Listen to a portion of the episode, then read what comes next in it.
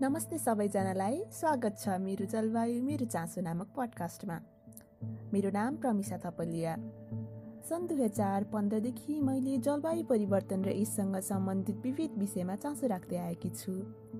अङ्ग्रेजी माध्यममा हामीले जलवायु परिवर्तन सम्बन्धी विभिन्न हस्तलिखित अनलाइनका आर्टिकल सँगसँगै अरू श्रव्य दृश्य सामग्रीहरू सजिलै पाउने गर्छौँ।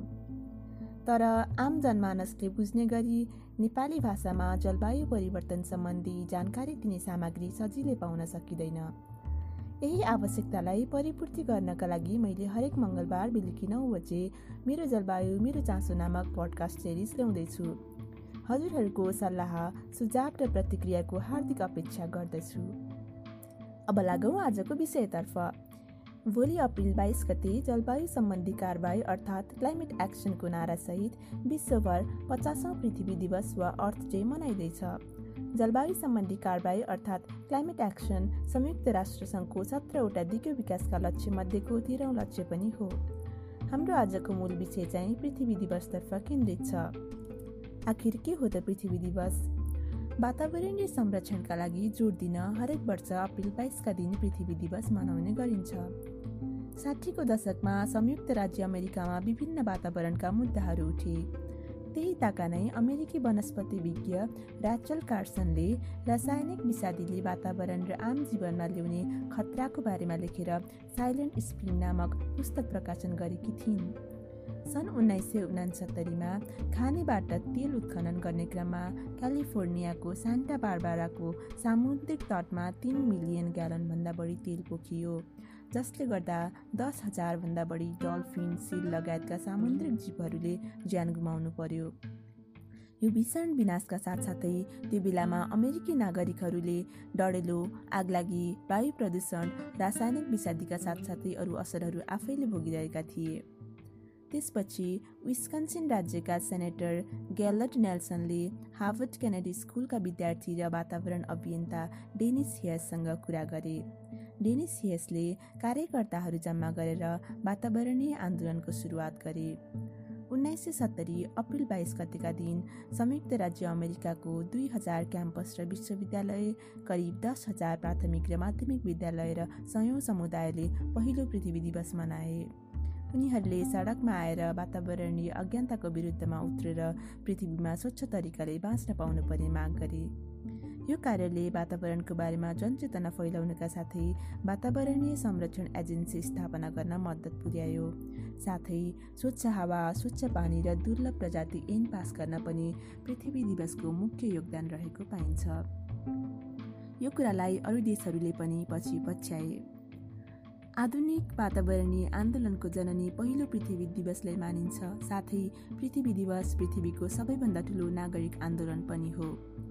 पचासौँ पृथ्वी दिवससम्म आइसक्दा पृथ्वी दिवसले धेरै अन्तर्राष्ट्रिय महत्त्व पाइसकेको छ। सन् दुई हजार सोह्रमा संयुक्त राष्ट्रसङ्घले पृथ्वी दिवसको अवसर पारेर जलवायु परिवर्तन सम्बन्धी ऐतिहासिक पेरिस सम्झौतालाई कार्यान्वयनमा ल्यायो। पेरिस सम्झौताको बारेमा विस्तृत रूपमा म आगामी पडकास्टमा व्याख्या गर्ने नै छु। आजको दिनसम्म आइपुग्दा विश्वका एक सय त्रियानब्बेभन्दा बढी राष्ट्रहरूमा पृथ्वी दिवस मनाउने गरिन्छ। भोलि मनाउन गइरहेको पृथ्वी दिवस दुई हजार बिस पृथ्वी दिवसको पचासौँ वार्षिकोत्सव पनि हो। वातावरण संरक्षणमा जोड दिँदै विभिन्न तरिकाले पृथ्वी दिवस मनाउने गरिन्छ। जस्तै वैश्विक सरसफाइ कार्यक्रम नागरिक विज्ञान कार्यक्रम वातावरण सम्बन्धी वकालत कला शिक्षा जस्ता कार्यक्रमद्वारा वातावरण सम्बन्धी जनचेतनाका साथै ठोस कार्यक्रम कार्यान्वयन गर्न पहल गर्ने गरिन्छ। पहिले पहिलेका पृथ्वी दिवसमा धेरै जसो भेला भएर सडकमा उत्रेर कार्यक्रमहरू गरिन्थ्यो भने अहिले कोभिड उन्नाइसको प्रकोपले गर्दा संसारभर पचासौँ पृथ्वी दिवस डिजिटल रूपमा कार्यकर्ताहरू परिचालन गरेर मनाइँदैछ। विभिन्न संवाद ठोस कामको माग कला प्रस्तुति भिडियो सिकाइका साथसाथै विश्वभर थुप्रै सङ्घ संस्थाले अनलाइन माध्यमबाट कार्यक्रमहरू गर्दैछन्। तपाईँ पनि डिजिटल कार्यक्रमहरू भाग लिन चाहनुहुन्छ र पृथ्वी दिवसको बारेमा अझै जानकारी लिन चाहनुहुन्छ भने अर्थ day dot ORG इएआरटिएचडिएवाई dot ORG visit गर्नुहुन अनुरोध गर्दछु। जलवायु परिवर्तन अहिले पृथ्वीको साझा चुनौतीको रूपमा खडा रहेको छ। जलवायु परिवर्तनका विरुद्ध लड्नका लागि पेरिस सम्झौता अनुसार एक दशमलव पाँच डिग्री सेल्सियसभन्दा बढी पृथ्वीको तापक्रम बढ्न नदिनका लागि सबै राष्ट्रहरूले आफ्नो तर्फबाट पहल गर्न एकदम जरुरी छ। सन् दुई हजार बिसको अन्त्यसम्म सबै राष्ट्रहरूले जलवायु परिवर्तनको विरुद्ध ठोस कार्ययोजना अगाडि बढाउन नयाँ वा पहिलेकै संशोधित राष्ट्रिय दृढ योगदानहरू अर्थात् new or updated nationally determined contributions बुझाउन जरुरी छ। यो कुरालाई प्रभावकारी ढङ्गले अगाडि बढाउन सम्पूर्ण नागरिकहरू सचेत भएर महत्वाकांक्षी अवधारणाहरूको माग गर्न जरुरी छ र जलवायु परिवर्तनको विरुद्ध ढिला नगरी लड्नको लागि आफ्नो तर्फबाट पनि योगदान दिन जरुरी छ। जबसम्म सबै राष्ट्रहरूले यो मुद्दालाई आपतकालीन सङ्कटको रूपमा लिँदैनन् तबसम्म हामी र हाम्रो सन्ततिको भविष्य धरापमै हुन्छ। यी कुराहरूलाई मध्यनजर गर्दै यो वर्षको नारा जलवायु सम्बन्धी कारवाही अर्थात् क्लाइमेट एक्सन राखिएको हो। पेरिस सम्झौताको लक्ष्यमा पुग्नका लागि मुख्य काम त विभिन्न राष्ट्रको ठोस कार्ययोजना र त्यसको सही कार्यान्वयनबाटै पुग्न सकिन्छ जबसम्म ठुला ठुला औद्योगिक राष्ट्रहरूले कार्बन उत्सर्जन घटाउनका लागि ठोस पहल थाल्दैनन् तबसम्म मारमा पर्ने भनेका नेपाल जस्तै कम विकसित राष्ट्रहरू नै हुन् हिमालमा हिउँको मात्रा कम देखिनु खडेरी बाढी पहिरो नयाँ नयाँ रोग वन्यजन्तु लोप जस्ता असरहरू कम विकसित राष्ट्रमा बढी देखिएका छन् तर यसको मतलब विकसित राष्ट्रहरूमा चाहिँ जलवायु परिवर्तनको असर देखिएकै छैन भन्ने चाहिँ होइन। अप्रेल बाइस गते कार्यक्रम मनाएर मात्रै पृथ्वी दिवसको मुख्य औचित्य पुरा हुने भन्ने चाहिँ होइन। हामीले हरेक दिनलाई पृथ्वी दिवस मान्न जरुरी छ र आफ्नो दिनचर्यालाई वातावरण मैत्री बनाउन आवश्यक छ। पृथ्वी दिवसको अवसर पारेर हामीले वातावरण सन्तुलनमा योगदान दिन केही प्रणहरू चाहिँ अवश्य गर्न सक्छौँ।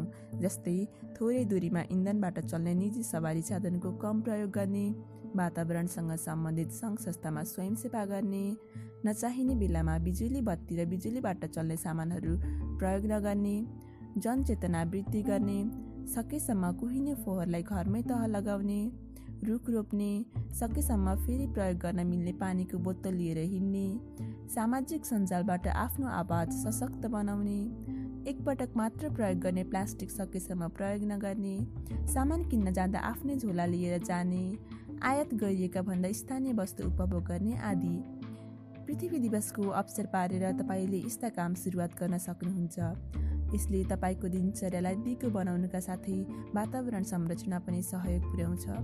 भनाइ नै छ नि एक थुकी सुकी सय थुकी नदी सबैजना मिलेर काम गर्यो भने परिवर्तन सम्भव छ। तपाईँको क्षेत्रमा र विश्वभरि के कस्ता कार्यक्रमहरू हुँदैछन् भनेर हेर्नका लागि र सहभागी हुनका लागि अर्थ डे डट ओआरजी टिएआरटिएचडिएवाई डट ओआरजीमा गएर हेर्नुहुन अनुरोध गर्दछु। यति भन्दै म पृथ्वी दिवससँग केन्द्रित भएर बनाइएको आजको पडकास्ट यहीँ अन्त्य गर्न चाहन्छु। हजुरहरूको सल्लाह सुझाव र प्रतिक्रियाको अपेक्षा गर्दै अर्को मङ्गलबार पनि यही समयमा अर्को विषयमा कुराकानी गर्ने बाचा गर्दै मेरो जलवायु मेरो चासो नामक पडकास्टबाट म प्रमिषा थपलिया बिदा हुन्छु। धन्यवाद।